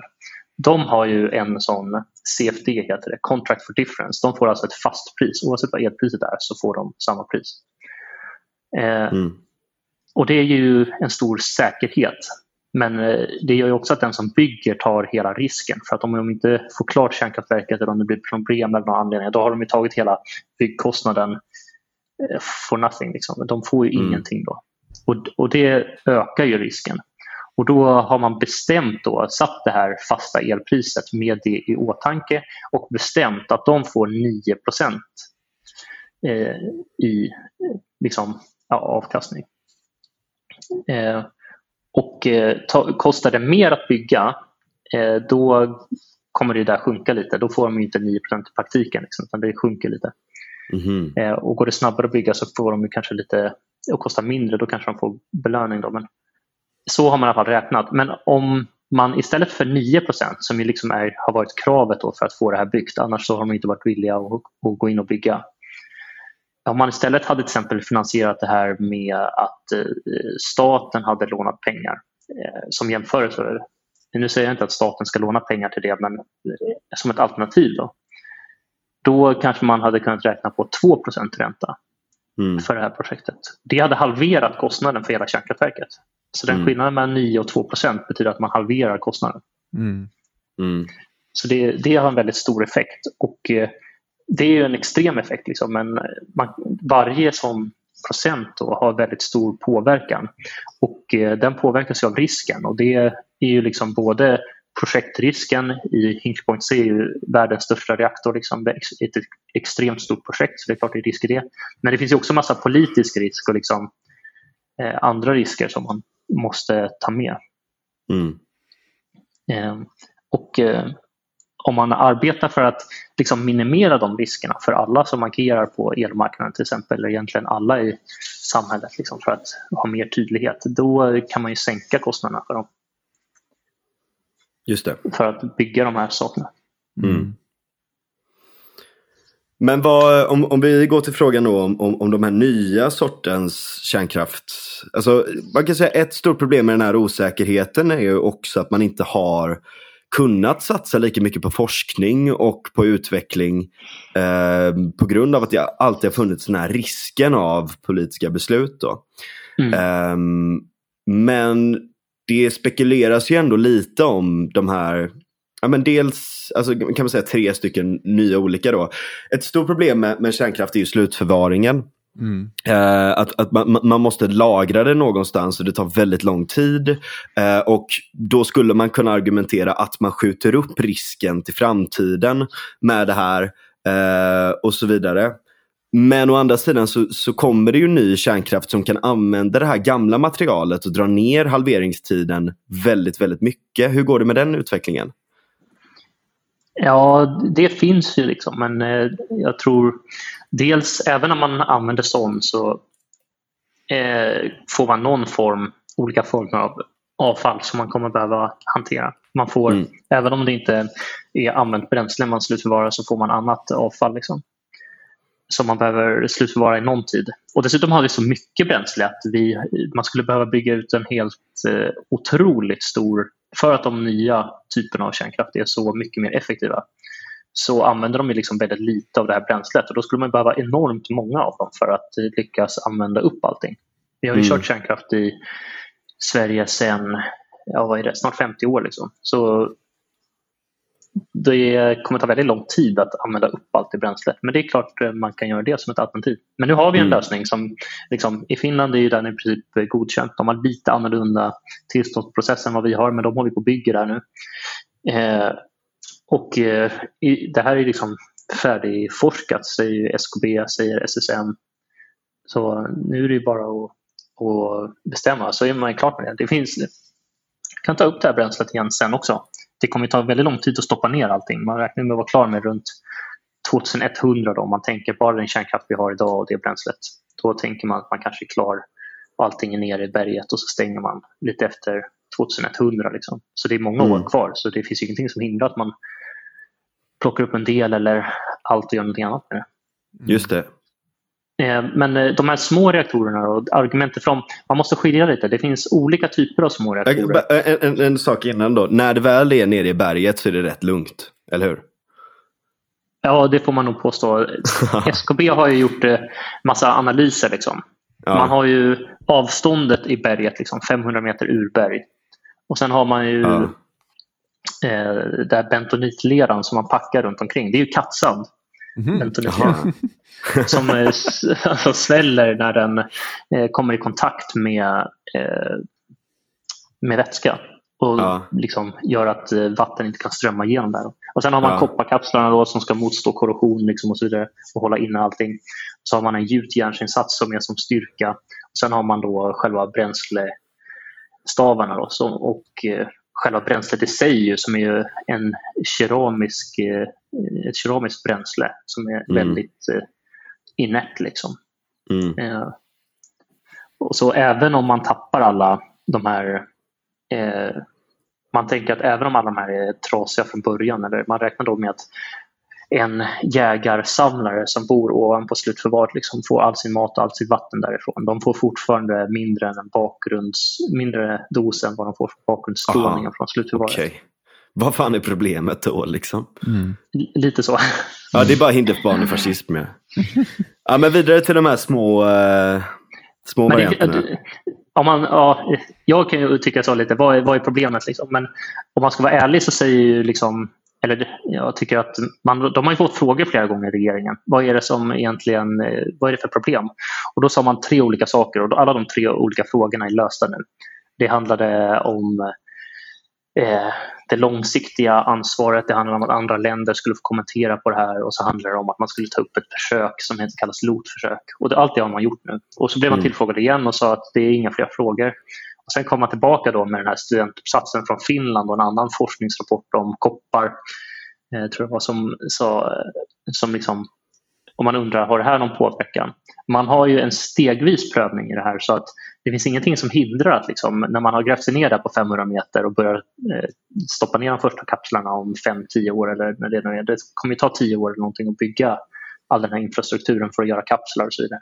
Mm. Under den tiden så kanske det dyker upp ny kunskap. Det finns ingenting som hindrar att man ändrar, alltså innan man börjar deponera och innan man försluter och så vidare, att man tar hänsyn till sån ny kunskap.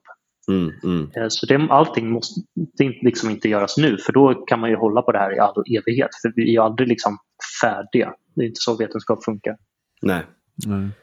Jag kan säga att jag, eh, just det där ang- angående att plocka upp någon liten enskild uppsats istället för ett stort berg eh, av forskning Mm. är inte helt ovanligt inom eh, hur politiker använder forskning. Jag håller på att skriva en artikel om det just nu faktiskt, som Mm. jag hoppas få in någonstans. Um, Ja, fast då om, om, om, tobaks, tobak och skademinimering, alltså det är helt sanslöst. Det är jävla vilda västern alltså. Men ehm, okej, jag förstår. Men ehm, det här med små... Ja, Ja. Shoot. nej, ja, det är mest bara frågan, vad är det och, och hur funkar de och varför är det bra? Ja, det finns olika typer av små reaktorer. Det får man dela upp först. Så om vi delar upp det i liksom konventionell kärnkraft som är lättvattenreaktorer eller sådana reaktorer som vi har idag i princip. I Kanada har de ju tungvattenreaktorer också. De är lite annorlunda än våra men vi struntar i det nu då. Så Mm. finns det liksom kokvatten och tryckvattenreaktorer. Och de kan man ju krympa liksom, som att man tvättar någon lite varmt i tvätten och så får man en mindre reaktor. Mm. Eh, och eh, de kallar, kan vi kalla konventionella små reaktorer. Och sen finns det också avancerade små reaktorer som liksom använder ny teknik eller de kanske kyls med bly eller med natrium eller med någon gas, helium istället för med vatten.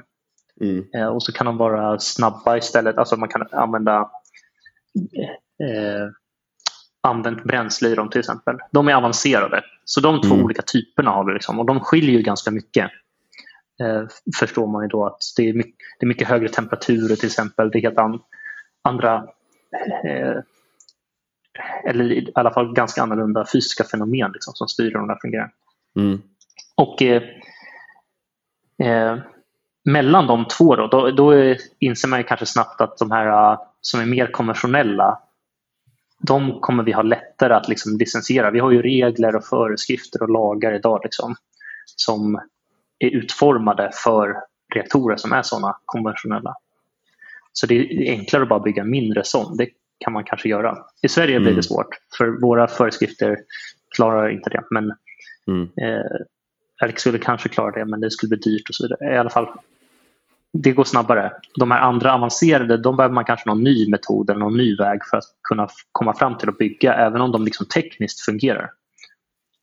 Och det som lockar med de här små reaktorerna då, det är ju förutom med de avancerade då, att man kan ha högre temperatur och så vidare, då kan man göra en massa häftiga grejer som att eh, göra processvärme till exempel eller man kan göra vätgas eh, med högtemperaturs elektrolys eh, eller andra processer. Och, så man kan liksom göra en massa nya grejer med dem för att man ja. har högre temperaturer. Men mm. förut, eller använda använt kärnbränsle och sådär. Och det är ju liksom eh, häftiga saker. Men förutom det då så är den här mindre storleken den gör ju att om, det, om, man tänker på de större kärnkraftverken att det var hög risk och det är det som gör att det kostar mycket, det är det som driver kostnaderna. Mm. Då, då beror det bland annat på att det tar lång tid att bygga dem. Alltså de är väldigt stora, så det är bara stora byggprojekt som även när de inte är försenade liksom tar lång tid att bygga. Vi snackar ju fem till sju år då, i genomsnitt som vi sa tidigare. Mm. Och eh, Det gör att det finns en osäkerhet liksom, om hur marknaden kommer se ut då. Eh, det gör ju också att man får betala, om man lånar pengar så får man ju inga intäkter under den här tiden och så ska man ändå betala kanske på sina räntor på pengar man har lånat och så vidare. Mm. mm. Alltså, det här driver liksom kostnader, den, att det tar lång tid att bygga.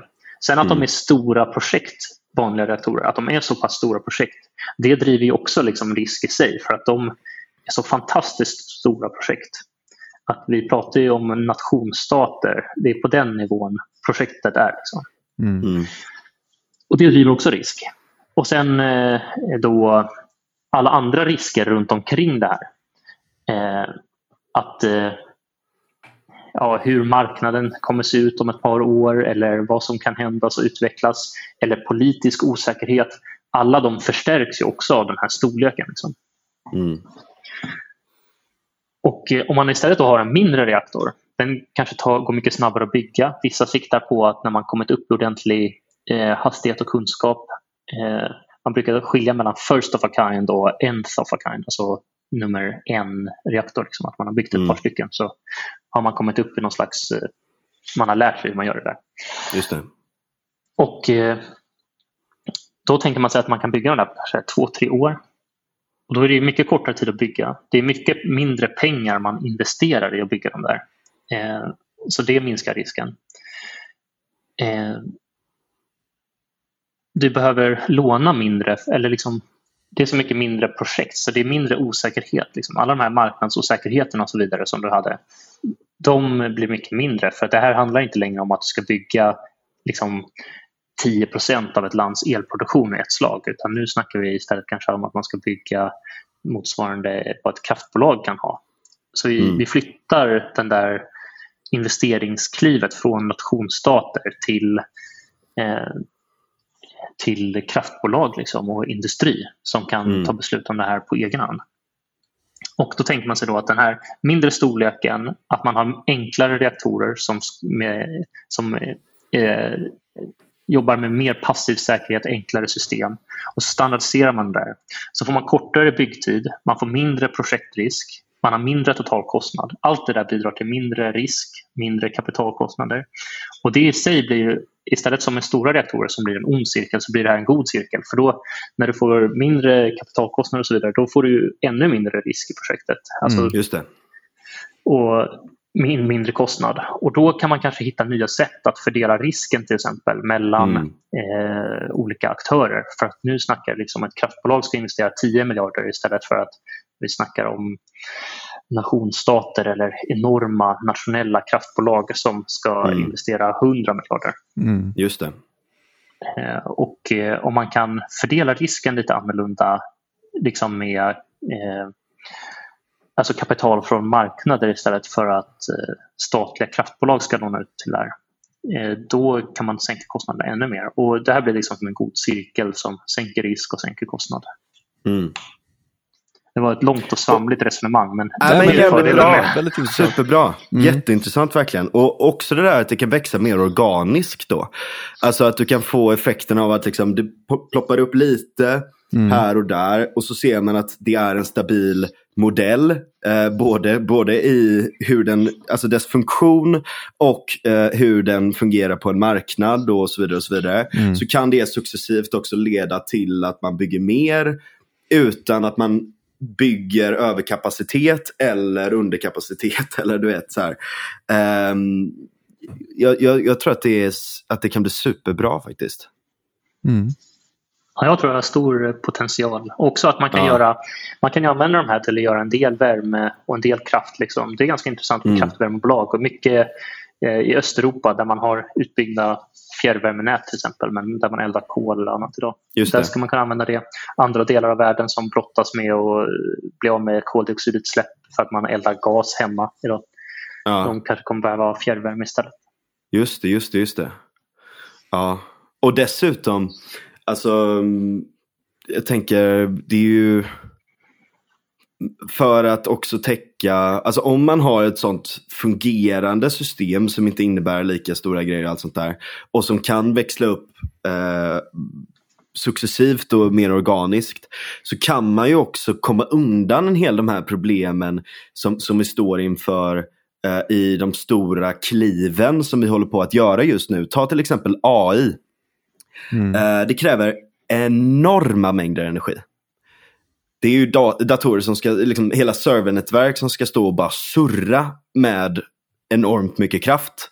Och i dagens läge så är det ju mycket um, smutsig el som går till det. För att vi har mycket smutsig el i nätet och sådär. Uh, när vi pratar om att elektrifiera alla bilar, när vi pratar om att uh, uh, ja, men alla möjliga olika former av uh, ny teknik och elektrifiering av samhället och digitalisering och allt sånt där. Liksom. Mm. Så, så behövs ju det här och det kommer inte nödvändigtvis vara så att det blir att det är så här jättestora steg, bam, bam, bam, utan små successiva steg hela tiden. Mm. Ja, jag tror ofta så sker utveckling så. I vissa stora steg liksom leaps, men ofta så är det ju förbättringar på saker man gör. Ja. Med energi och så här så tycker jag ofta att folk är emot att vi ska använda mer el. Liksom. Men för att man blandar ihop el och energi. Exakt. Att vi använder mer el för att ersätta fossilbilar, det gör vi att vi använder mycket mindre energi totalt sett. Liksom. Ja. Eh, för att de är så mycket mer effektiva. Så ja. totalt sett använder vi mindre energi. Just det. Men mer el och om vi får liksom fossilfritt stål och vi får alla de här sakerna också som kräver massa el. Då kommer vi även, jag menar ett stort problem till exempel när man bygger vindkraft är ju att det är utsläpp av att göra dem. Och när man bygger elbilar så är det utsläpp av att göra dem och sådär. Men det kommer man ju bort från då. Ja precis, det konvergerar ju liksom mot noll så allting annat blir klimatsmartare också. Ja. Mm. Så ja, man kan få till eh, cement utan utsläpp till exempel skulle ju vara jättestort. Ja, ja, ja, som Cementa försökte. Mm. Men fuckades återigen av dessa jävla... är det någonting du vill avsluta med Simon? Vi har haft ett långt och väldigt intressant ja, samtal. Verkligen. Ja, Ja, nej, det var jättetrevligt att vara förbi och snacka. Jag snackar alltid gärna kärnkraft och energi. Så det var trevligt att bli inbjuden. Ja, supertrevligt verkligen. Mm. Och eh, Jag ska kika in mer på era ekomodernistiska grejer där. Är, det, är, är en förening eller hur funkar det? Ja, exakt. Så det är en, en förening. Fan vad intressant. ja, men det måste jag nästan gå med i då. Så där får man gå in och, och bli medlem. Ja. Ekomodernisterna.se Väldigt, väldigt spännande. Ja, det var väldigt eh, intressant eh, samtal. Jag önskar vi kunde hålla på längre, men det kanske blir lite för långt om folk ska orka lyssna också. Men eh, ja, du är hjärtligt välkommen tillbaks eh, så kan vi ta vid där vi slutar nu. Helt enkelt. Ja, ja men eh, gärna. Jag ser fram emot det. Vi kanske kan snacka ekomodernism då. Det här var kul. Mm. Ja, absolut. Superkul alltså. Alright, ha det gött och alla ni som lyssnar eh, hoppas att ni tyckte det här var lika intressant också och att det speglar sig i hur mycket ni eh, ger till oss på Patreon och Swish. Just Så eh, hörs vi snart. Eh, vi, vi, kommer faktiskt fortsätta lite på ehm, det är inte riktigt helt spikat eh, vilket datum det är än, men eh, jag eh, ligger på den här LK, LKAB. Den, den goda Anders Lindberg. Ja, just ja, ja. inte, inte, inte Aftonbladets då, utan eh, LKAB-snubben som, som kör på Twitter. Det är lite samma tema här, liksom, grundindustri. Jag, mm. jag har börjat intressera mig av det av någon jävla anledning på sistone. Eh, så det blir nog nästa Eh, eller i alla fall snart. Mm. På samma tema. Ja. Och så kanske vi får köra någon mer klimat. Eh, nu har det ju varit klimattoppmöte så att det har varit spännande att höra från någon, någon från det hållet också. Absolut. Verkligen. Tack Ja, som fan Simon. ja verkligen. Ja, tack själva.